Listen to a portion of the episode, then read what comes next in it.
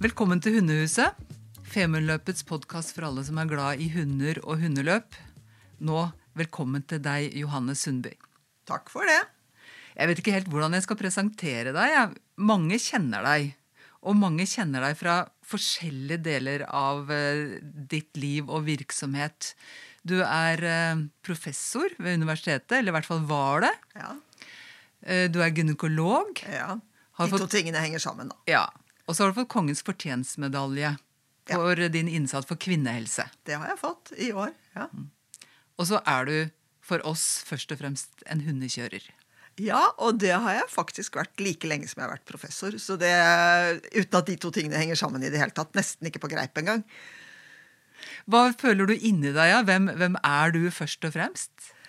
Jeg er vel først og fremst en nysgjerrig person som liker at det skjer ting, istedenfor å sitte i sofaen. Jeg er nok en person som liker å være i ytterkant av det som kalles normalt. Og som eh, prøver å mm, kanskje bryte noen grenser. Både på jobbemessige ting og i forhold til natur og friluftsliv og, og utfordringer på sport. Hvorfor ble det sånn, tror du? Det vet jeg ikke, men eh, nysgjerrigheten har alltid vært der. Eh, Jeg har alltid brydd meg veldig mye om dyr. Jeg har vært glad i hunder og en del andre dyr, og jeg trakk ganske mange dyr inn i familien da jeg var barn. Og så har jeg vært sånn eh, alminnelig som folk i min oppvekst. Nysgjerrig, flink på skolen, opptatt av å vite og kunne og lære. Og da og ikke så opptatt av normer, og det tror jeg jeg lærte av faren min, at du behøver ikke nødvendigvis være sånn som alle andre. Så da har jeg bare dura i vei. Hvor bodde du da? Vi bodde mest i Oslo, men eh, som voksen så har jeg bodd eh, i Telemark og i Tromsø og litt i Afrika og eh, en god del i Nordmarka. Så jeg liker egentlig best å ikke bo i by. Og siden du sier at du, du trakk mye dyr hjem til barndomshjemmet, så regner jeg med at det var litt plass rundt dere òg, da? Ja, vi bodde i utkanten av Oslo, i nærheten av markagrensene. Men jeg hadde jo ikke mange dyr på en gang den gangen, da, bortsett fra da jeg hadde 22 hamstere. Men det var et uhell. Arbeidsuhell. Var det før du ble gynekolog og skjønte hvordan formeringa Eh, foregikk? Ja, jeg kunne ikke forskjell på hanndyr og hunndyr, men det kan jeg nå på hamstere. Det er kanskje ikke så lett? Jo, det er egentlig veldig lett når du kan det. Men uh, det gikk da greit for så vidt, da. Uh, faren min satte alle burene ute i hagen, og da hadde jeg bare to igjen.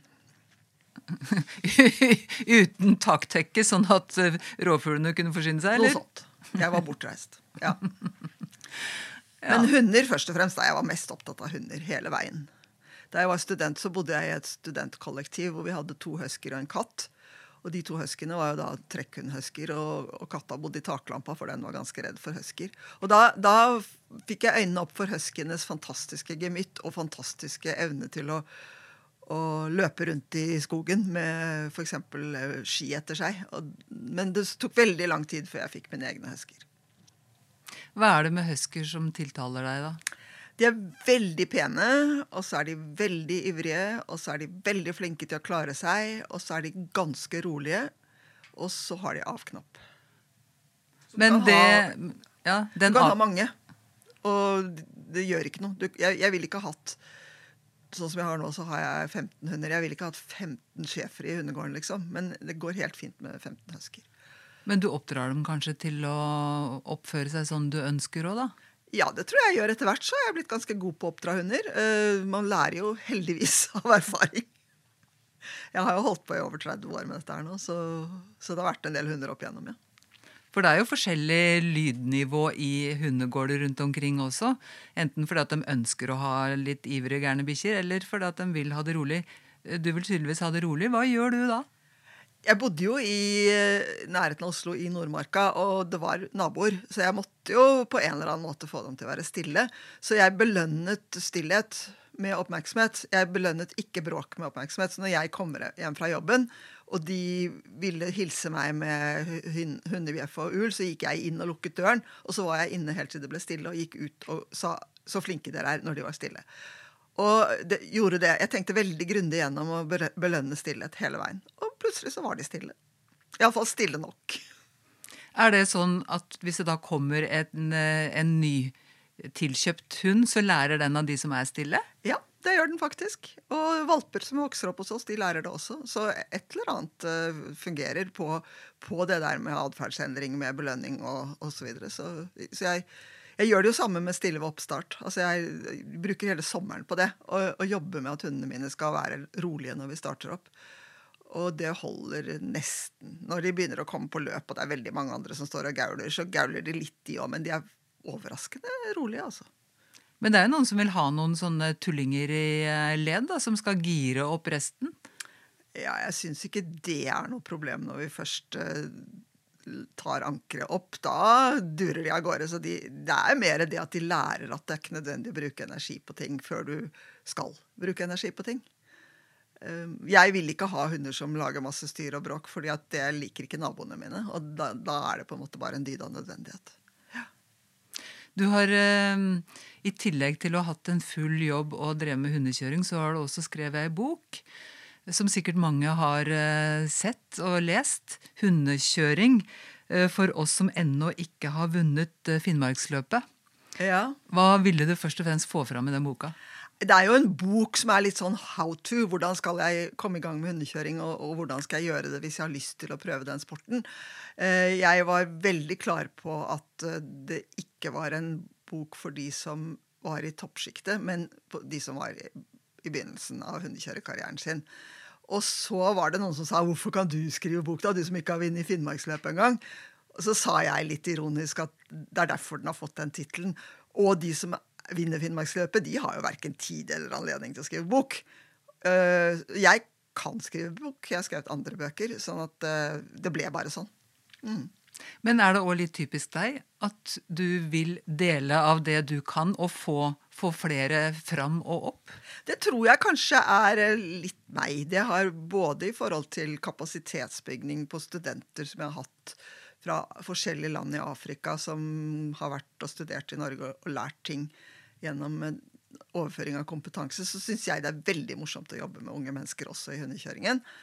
Og har hatt især flotte, fantastiske, flinke, kompetente jenter som har bodd hos meg mens de har studert, kjørt hund, lært seg av hundekjøring, eller kunne det litt fra før og lært mer, og som har kjørt løp med mine hunder. Og det har gått kjempefint, og mange av dem er nå aktive hundekjørere selv. Så, så jeg syns det er gøy, ja. Jeg syns det er gøy å se at uh, hundene og unge mennesker fungerer. Det må ikke nødvendigvis være meg. Uh, så det Ja. Det har vært veldig ålreit. Har det vært viktig for deg å få fram eh, jentene? Litt tilfeldig. Jeg synes kanskje at det er litt lettere å ha jenter i huset som handlere. De er hva skal man si da, litt lydigere. Eller kanskje litt mer systematiske. Det er litt tilfeldig, egentlig, altså, men det har iallfall vært veldig gøy å jobbe med disse jentene. Og mm, de har jo blitt noe helt annet enn sånn influenserbloggere som typer. De mestrer villmarksliv, de mestrer dårlig vær, de mestrer motgang. De blir faktisk ganske mye flinkere til å mestre livet sitt i det hele tatt. Og det har vært morsomt å se på. At man rett og slett får selvtillit inn i, i de unge sjelene. Ja, Hva tenker du nå da med, med unge folk som uh, lever veldig langt fra den type liv, og så, og så, hører vi at det er dårlig syke blant ungdom, og ja, det blir jo påstått at vi tåler mindre motgang, da? Får du lyst til å sette dem bak et hundespann? Jeg vet ikke. Det er jo ganske individuelt basert det jeg har gjort. Jeg har liksom hatt én eller to. Men jeg har sagt at uh, å kjøre Finnmarksløpet er en utrolig bra kur mot kjærlighetssorg, f.eks. Istedenfor å sette seg i sofaen og gråte eller uh, fly på Tinder og treffe masse nye folk. Så å ha et mål og gjøre ting som er litt ubehagelige og som krever litt av deg, men som du faktisk får til, det er jo helt fantastisk. Altså Især det der at du faktisk får til. For det gjør de jo! De får det til! Og det er det som er så utrolig morsomt med det. Og selvtillit skal man ikke kimse av. Det er fint å ha. Hører på Hundehuset, en podkast for Femundløpet produsert av kobber.no. Hvordan er uh, hva, hva skjer inni huet på en hundekjører gjennom et langt hundeløp? Åh, det skjer så mye forskjellig. Altså Det jeg liker best med hundekjøring i forhold til at jeg har hatt en krevende jobb, jeg har hatt en uh, jobb hvor man må tenke mye og skrive mye og stå på mye, og som mange kanskje ville si er stress, er det å stå bak et hundespann, og så blir alt annet borte. Da ser du bare på hundepotene og på været og på stikkene, og så får du på en måte renset hodet for slagg. Og den derre flytfølelsen du får når hundene går, og livet blir enklere og enklere, og du har større og større tro på at du kommer deg til neste sjekkpunkt, den er eh, ganske deilig. Men så er det selvfølgelig mange utfordringer på hundeløp. Og det kan være at ja, hundene begynner å halte, eller at uh, hundene ikke vil spise det du har med til dem, eller at du fryser så fælt at du blir helt På Finnmarksløpet nå i vinter så frøs jeg veldig mye, og det er sikkert fordi jeg er litt gammel. Og da var det sånn at jeg hadde lyst til å ringe til handlerne mine og si vær så snill å komme og hente meg, men jeg orket ikke ta meg vottene for å ringe. Så derfor så ble det ikke til det. Jeg kom meg til sjekkpunktet. Men det er Jeg er ikke så veldig konkurranseorientert. Jeg sa før at uh, noen må bli sist, og det gjør ikke noe om det er meg. Fordi jeg liker bare å være ute på, på tur med hunden og få det til å fungere. Men så fungerte det jo bedre og bedre, da. Så etter hvert så sluttet jeg å bli sist. Og det er også ganske gøy, da, å få det til å fungere litt på høyere nivå. Men jeg har ikke hatt noen sånne store ambisjoner om å være best. For det, det kan, man, kan, man, nok ikke bli eh, hvis ikke man går fullt og helt inn i det og gå på kompromiss med veldig mange andre de tingene man skal gjøre i livet. Og det kan ikke jeg gjøre. Så jeg må ha et begrenset antall hunder. Jeg må trene et begrenset antall timer. Jeg må kjøre et begrenset spann, ikke tolv, men åtte hunder. Og da gir det seg selv. Du kan være med å konkurrere, men du når ikke pallen. Ja, men nå har du jo slutta i jobben. Du er over 70 år og kan bruke all din tid på hundekjøring hvis du vil. Var det så vel. Men uh, det har da vært en del etterspørsel etter kunnskapene mine selv etter at jeg gikk av. Og ikke skjønner jeg at jeg fikk tid til å jobbe før, for jeg syns ikke jeg har noe bedre tid nå, selv om jeg har gått av. Men jeg, nei, vi får kjørt på dagtid, og det er veldig deilig. Jeg slipper å komme hjem fra jobben, og så blir det mørkt, og så må vi kjøre etter at skiløperen har gått hjem, og med hodelykt, og kommer i seng altfor seint. Sånn er det ikke lenger. Nå kan jeg kjøre ut klokka ti om formiddagen og komme hjem før det blir mørkt, og spise middag hjemme. Det, det er en stor fordel. Veldig deilig. Det er noe som imponerer meg mest med hundekjørere. At de må ut uansett vær og temperatur og, og dagslys eller ikke. Altså Hundene trenger stell, og de trenger trening. Hver eneste dag, nesten. Ja, og det er mange som spør meg, fordi jeg er faktisk et ganske gammelt dame. De spør meg er det ikke mye styr. Så sier jeg jo, selvfølgelig er det mye styr. Det er styr fra morgen til kveld. Men styr tar ikke livet av folk. Styr er en drivkraft for å være i aktivitet og være, bruke energi. Så jeg er ikke så redd for det. Jeg er mye reddere for å sovne på sofaen og ikke ha noe mål i livet. Uh, men det er klart, noen ganger Sånn som nå hvor jeg har hatt et valpekull med syv valper som jeg måtte ha inne fordi det var 22 kuldegrader. Og de eh, skiter tre ganger om natten hver av dem. Og, og våkne om morgenen da Det er sånn Oi, ja vel. Ok. Men det er bare åtte uker, da, og så er det over. Så, så det, er, det, er, noen ganger det går litt Det er litt mye. Mm. Men, men, men. Du kan jo sette som mål at du kan bli den eldste hundekjøreren, da. Jeg hadde liksom det målet når jeg skulle kjøre siste Finnmarksløpet nå i vinter, da, men så var det en som var kanskje en måned eldre enn meg. Men uh, jeg måtte bryte på siste sjekkpunktet. Uh, så jeg, Men jeg, jeg, synes kanskje at jeg er blitt for gammel for Finnmarksløpet. Det er uh, dyrt, og det er langt, og det er kaldt. Ikke, ikke minst at det er kaldt. Så i år har vi satset på at jeg og tre andre faktisk skal kjøre hundene gjennom noen litt kortere løp, sånn type opp mot 20 mil. Og det kjenner jeg føles veldig ålreit akkurat i år. Kjøre litt fortere og litt kortere og ha litt mer kontroll på hva det er vi holder på med. Men, men det er veldig gøy at hundene mine går for meg og for andre. da. At de kan liksom De, de er glad for å få lov å løpe, de. Ja. Åssen er det når, når en da blir eh, eldre? Eh, det er jo mange som går på ski, for eksempel, som, ikke, som sier at å, jeg er blitt så redd for å kjøre i bratte nedoverbakker, jeg er så redd for å dette. Åssen er det for uh, ei dame i 70-åra å henge bak et hundespann i full fart? Jeg kan kjøre hund. Jeg er, har kjørt hund i 30 år. Jeg har alltid drevet med fysisk aktivitet. Gått på ski, padlet, seilt, klatret. God knows. Og jeg trener aktivt selv. Meg selv. Jeg er god på ski og har god balanse. Og heldigvis god fysikk og god helse. Så jeg er ganske uforferdet. Men det er klart, det er noen ganger det Jeg har opplevd å dette, og jeg har opptatt, opplevd å miste spannet, og jeg har opplevd å velte, og det har jo stort sett gått bra. Så heldigvis har jeg ikke noe beinskjørhet. Så jeg tenker at ja, ja, det går vel sikkert et par år til. Eller ja. Åssen er den følelsen å se hundespannet forsvinne uten deg som kjører bak? Uh, ja, det er ikke spesielt hyggelig. Og grunnen til at jeg kanskje oftere enn andre binder meg fast til sleden Jeg har mistet spannet hvor de var borte i to dager. Eller det var ikke jeg som mistet det, men spannet forsvant i to dager, og det vil jeg ikke oppleve igjen. Så, men så er det også det at når man er blitt litt flink til å kjøre hund, så mister man ikke spannet så lett. Sånn at de siste årene har jeg faktisk ikke mistet det i det hele tatt. Det er slik at de flinkeste har mer flaks, som Altså, det det er en erfaringssport. Og det er eh, noe om å ha vært gjennom alle de tingene som man kan frykte, og ha en sånn mental idé om at ja, det kan skje, og det kan skje, og det kan skje. Og da løser vi det sånn og sånn og sånn og sånn. Så eh, Det er vel derfor de hundekjørerne blir så gamle som de gjør. Det er jo veldig mange gamle som kjører hund fremdeles. I forhold til andre sporter, da. Og det tror jeg er fordi de faktisk får det til. Det er ikke så skrekkelig utfordrende fysisk for hundekjøreren. Men eh, du må være mentalt til stede, da.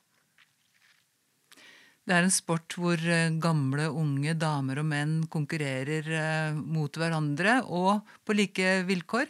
Er det likt, eller er det noen som har en fordel framfor andre? Det er ikke likt. Vi pleier vel å si at jentene kanskje har litt mer øye for hundene og litt mer psykologisk eh, intuisjon for hva som skjer i spannet, mens gutta er litt mer uforferdet. Jeg er litt redd for å generalisere, fordi eh, så finner du unntakene hele veien også. Men det er klart, eh, en del av de som ikke har kjørt i veldig mange år, og som er unge og som skal ut på første gang, har mm, kanskje mye høyere beredskap og er mye mer nervøse enn det jeg klarer å mobilisere nå. Nå er jeg ganske rolig når jeg starter på løp. Fordi jeg tenker at dette kan jeg. Dette kan jeg faktisk. Og det er en kanskje en ikke så veldig sånn jentete følelse. Det er litt mer eh, Ja. Jeg, jeg ser på det som litt universelt at når du kan noe, så er det mye lettere å få til ting. Hva tror du bikkjene syns er fint med deg som kjører? Eh, jeg tror jeg er veldig forutsigbar. Eh, jeg tror de vet innmari godt hva jeg har tenkt å gjøre nå, og hva jeg har tenkt å gjøre nå. Jeg har oppdratt hundene mine til å kunne de tingene jeg syns er viktige i hundekjøringen. F.eks. stoppe på kommando. Det er utrolig ålreit å ha et hundespann som når jeg detter av, eller det er en vanskelig situasjon, jeg sier stå, så stopper de bare. Det har vi jobba masse med. Så er jeg litt sånn hønemor. Alle hundene mine er inne og får lov å kose og får lov å få godbiter og få lov å lære liksom det at mennesker er innmari hyggelige, og du behøver ikke være redd for dem, og de gjør det bra for deg, og, og sånne ting, da. Så litt myk, kanskje, for hundene. De er iallfall veldig knytta til meg. De dilter etter meg. Hvis jeg går opp i annen så går de opp i etasje.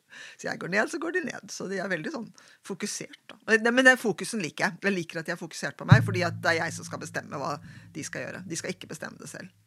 Jeg skal bestemme at nå skal vi ut, nå skal vi til venstre, nå skal vi rett fram, nå skal vi stoppe. Og det, den forutsigbarheten liker hundene ganske godt. Er det noe som hundene ikke liker ved deg, da, som du er klar over, men du klarer bare ikke å la bli? Ikke egentlig. Jeg opplever dem som veldig tillitsfulle. Vi har en del rutiner. F.eks. en gang i uka så kjører jeg bilen inn i den forgården og ber alle hundene komme og gå inn i burene sine i bilen. Og så kjører vi til et sånt hundesenter hvor de kan løpe på en åpen, en åpen innhegning. Og det er én time. Og da er det De kommer og går inn i de riktige burene sine. Vi kjører dit. Vi hold, de løper rundt en time, og når det har gått en time, så kommer de tilbake til bilen. så, så jeg, jeg, synes kanskje at uh, det er veldig lite frustrasjon i den gjengen jeg har nå. Jeg har hatt alle hundene mine fra de er valper. De har vokst opp hos meg. Uh, jeg tåler ikke slåssing. Det er, hvis de slåss, så er det er det eneste gangen jeg virkelig hever stemmen og sier 'hold opp'. Uh, og det sitter i huet på dem. Det er faktisk veldig fredelig. Sånn at det, de tigger litt, da. Det er jo ulempen med at man gir godbiter og er litt svak for dem. og sånn, At de er fryktelig fokusert på mat. Så jeg kunne kanskje tenkt meg at de var litt mer sånn at de satt og ventet når jeg skulle fôre dem. og sånn, Men det, det er jo småting, da. Husk å abonnere for å få med deg alle episodene. Det høres jo litt magisk ut at du bare kan åpne alle lukene på hengeren, og så bare hopper bikkjene inn i hvert sitt bur? Ja, men det er det samme med det der med forutsigbarhet og rutiner. altså. At, de, at de vet hva som skal skje, og de gjør de tingene sånn som jeg vil det. Men jeg er nok kanskje en som tenker ganske systematisk rundt hvordan jeg vil ha det. Og som jobber veldig mye med den typen hundeoppdragelse som handler om å belønne det jeg ønsker.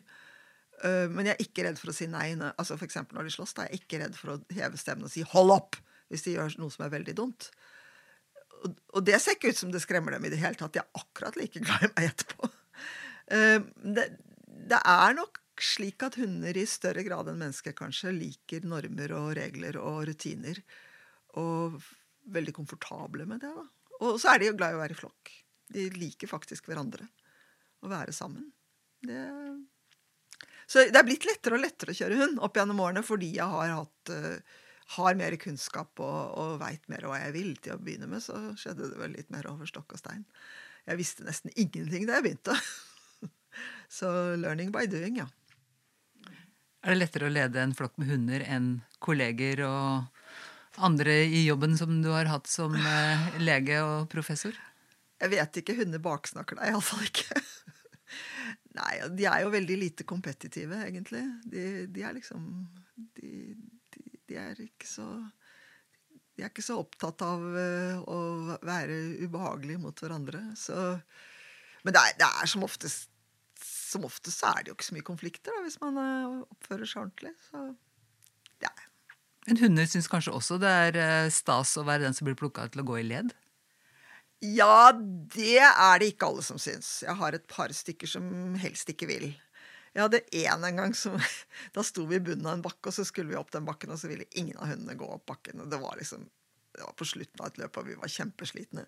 Og så var det, så jeg at den største hunden min, som jeg alltid har bakerst, var eh, litt mer ivrig enn de andre. Og så tok jeg alle de andre hundene ut av spannet og bandt dem til et tre, og så trakk han sleden helt opp på toppen av bakken alene. Og så gikk jeg ned og hentet de andre hundene og satte dem foran sleden. Men da rygget han bakover og ville tilbake på sin bakerste plass. Han ville ikke, ikke lede noe mer. Bare akkurat opp den bakken. Så ikke vet jeg. ja. Det var flott gjort, da. Ja, ja. Vi kom til mål.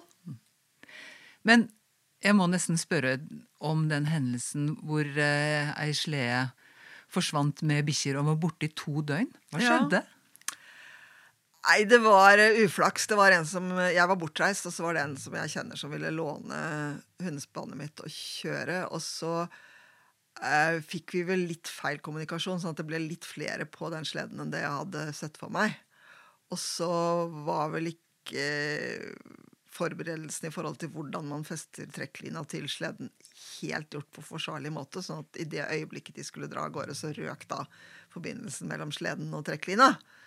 Og så stakk hundene. De stakk jo for så vidt bortover der vi pleier å løpe. Men vi fant dem bare ikke, for det begynte å snø, så vi hadde ikke noe spor å gå etter. Og, og så kom to av dem hjem med avbitt line, og da skjønte vi at de hadde surra seg fast et eller annet sted. Så da lette vi og lette vi og lette vi. Men vi fant dem jo. Men det var eh, ikke noe morsom opplevelse. Nei. Det skal ikke skje igjen. Men det, det er, du, du, jobber jo med levende dyr, og ting kan skje. Ja. Har du uh, hatt uh, opplevelser som tenker at dette, dette, er i meste laget, jeg tror jeg gir meg? Uh, ja, det har egentlig vært mer meg enn hundene. Eh, det er, ikke, det er aldri morsomt å sette en hund som ikke er veldig sliten, opp i sleden og prøve å få den til å sitte stille. Eh, da kan de bråke ganske mye, og det høres ut som om du kjører rundt med en mixmaster på full speed. Men eh, noen opplevelser jeg har hatt som jeg, jeg har opplevd å måtte ligge over på et fjell under storm to ganger på løp. Og den ene gangen så skjønte jeg ikke hvordan jeg skulle få tisset. Vi var en eh, gjeng med kjørere som kjørte etter hverandre, og så kom det en bakfra som syntes det gikk litt sakte, og som kjørte forbi. Og hans hunder kunne tydeligvis ikke gå på stikker eller løype, så han for ned med, med vinden. Og så for vi andre etter han, så vi ble liggende i en snøfonn, og jeg måtte tisse. Og jeg lå nede i jervenduken og soveposen oppi sleden. Og ante ikke hva jeg skulle gjøre. For jeg så ikke for meg at jeg kunne gå ut av sleden og, liksom ta av meg buksa og tisse. Så fant jeg termoskoppen min, så jeg tisset oppi termoskoppen. Men så veltet hele greia. Det kom et vindkast og bare veltet meg og termoskoppen og, og alt sammen. Så det ble ganske Ja, hva skal man si? Ubehagelig. Men dagen etter, så ble det, eller på morgenen, da, så ble det lyst, og vi så stikkene vi kom oss ned til sjekkpunktet. Jeg fikk tørre klær og, og så videre. Og da skrev jeg en artikkel om tissing på løp for damer. Så det, nå er det ordna opp i. Nå vet jeg hva, hvordan man skal få til det. Det er jo flere metoder, men det satte jeg meg da inn i. Så har jeg ligget i en snøfonn en annen gang hvor det kom en kjørende forbi, og jeg ropte 'er det deg', liksom. Og så var det ikke det. Det var Robert Sørli. Og da var, da var løpet helt frosset. Det var bare Robert Sørli og jeg som var ute og kjørte, omtrent. Så da sa Robert uh, sa jeg 'Robert, vent, jeg kjører etter deg'. Så kastet jeg alle tingene opp i sleden og så kjørte jeg etter Robert. Men Robert hadde unge hunder som ikke kunne gå på stikker, så jeg måtte kjøre forbi han og kjøre ned til sjekkpunktet foran Robert. Og vi kom til sjekkpunktet foran, foran Robert Sørli. Og da sa Robert 'Det var en god lederhund, han kan jeg kjøpe hvis du gjør det om igjen i morgen'. Men uh, sånn gikk det ikke, da. Men uh, det er den eneste gangen jeg har slått han liksom litt, bitte lite grann, da. Men disse gutta har jo en fordel når de skal tisse. da. Ja, de har det. Hva, hva slags knep er det du har eh, Nei, du lært og kan lære bort? Du kan enten kjøpe et kommersielt eh, rør som du kan stikke ned i buksa og få urinen til å renne utafor din egen bukse.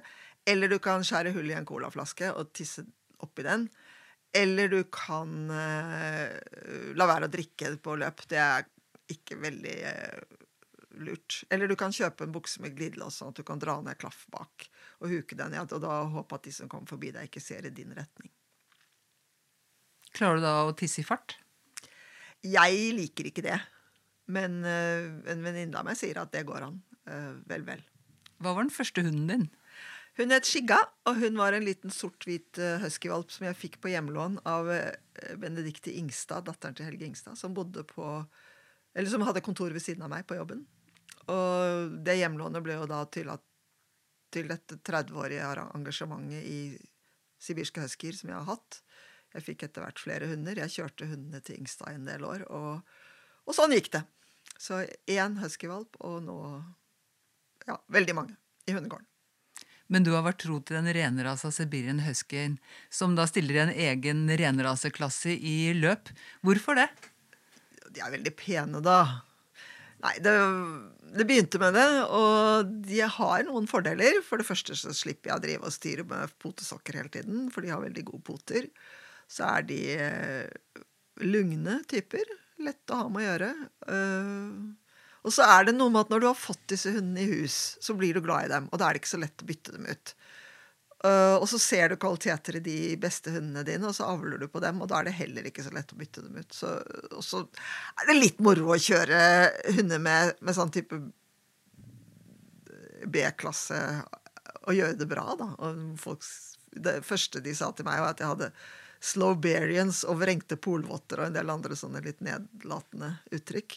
Og så har, har jeg faktisk greid å kjøre til mål i Finnmarksløp og Femundløp, og av og til gjort det ganske bra. Og, da, det smaker litt godt, da. Syns du de eh, mer sammenblanda Alaska huskyene ser litt eh, rare og dinglinge ut sammenlignet med dine? Nei, det er jo veldig flotte hunder, det òg, da. Men det er kanskje ikke så gjennomtenkt akkurat hva du får. Eh, det er jo de, de beste avler på veldig gode hunder og får veldig gode hunder. Men det er veldig mange som avler på eh, noen trekkhunder og få tjuvparingskull, og, og, det er litt sånn hummer og kanari. Så, så gode Sibirien er nok bedre enn ikke så veldig gode alaskahusker. Fordi det er en mye mer systematisk eh, tenkning rundt avlen. Bortsett fra altså, de som virkelig satser på alaskahusker, som gjør, gjør, det riktig, de, de også. Men det, det, er jo blitt slik at folk nå har gått fra å ha tynnpelsete hunder til å gå over til litt mer sånne hunder som det vi har, som har mye bedre pels. Fordi det faktisk er en fordel når det er kaldt. Det er jo fremdeles ganske kaldt om vinteren. Heldigvis. Hva er det beste rådet du har å gi til folk som vurderer å begynne med hundekjøring? Heng deg på en som har hunder. Eh, tilbring et år eller en sesong eller to med, med vedkommende. Ikke start å bygge opp et hundespann av B-hunder rasket sammen fra hummer og kanari. Eh, være med å bidra i det teamet som du får lov å være hos, så vil det helt sikkert eh, betale seg med at du får lov å kjøre mer og mer, og får lov å kjøre kanskje løp med de hundene etter hvert. Uh, og da vet du mer hva det, hva det, går på.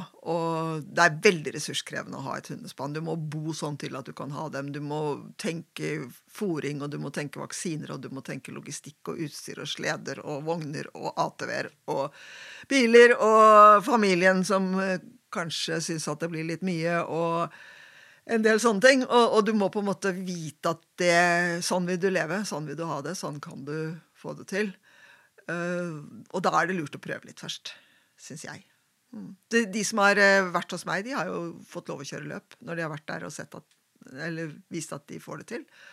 Og alle har faktisk fortsatt med hundekjøring. Det er litt gøy, da. At de får faktisk smaken på det og, og skaffer seg egne spann.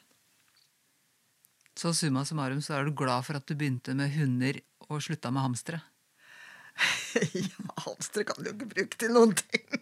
Men det, det er noe moro å drive med dyr. Og jeg, jeg, var glad i friluftsliv, og jeg var nok mer erfaren på friluftsliv enn veldig mange andre som begynner med hundekjøring. Altså skikkelig erfaren. Eh, sånn at jeg har aldri vært så redd for å ligge i telt om vinteren, f.eks. Eller uh, være ute når det blåser, eller bruke kart og kompass, eller uh, sånne ting. Og det, det, er jo også en fordel når man skal kjøre hund, at man tåler vinteren. For det har vi en del av i Norge enda. Ja. Da er det bare å ønske deg god tur videre, Johanne Sundby. Takk for det. Du har hørt på Hundehuset, en podkast for Femundløpet produsert av kobber.no. Lytt til Hundehuset på Spotify. Husk å abonnere for å få med deg alle episodene. Ønsker du liveoppdateringer, tracking og mye, mye mer, gå inn på liverace.no.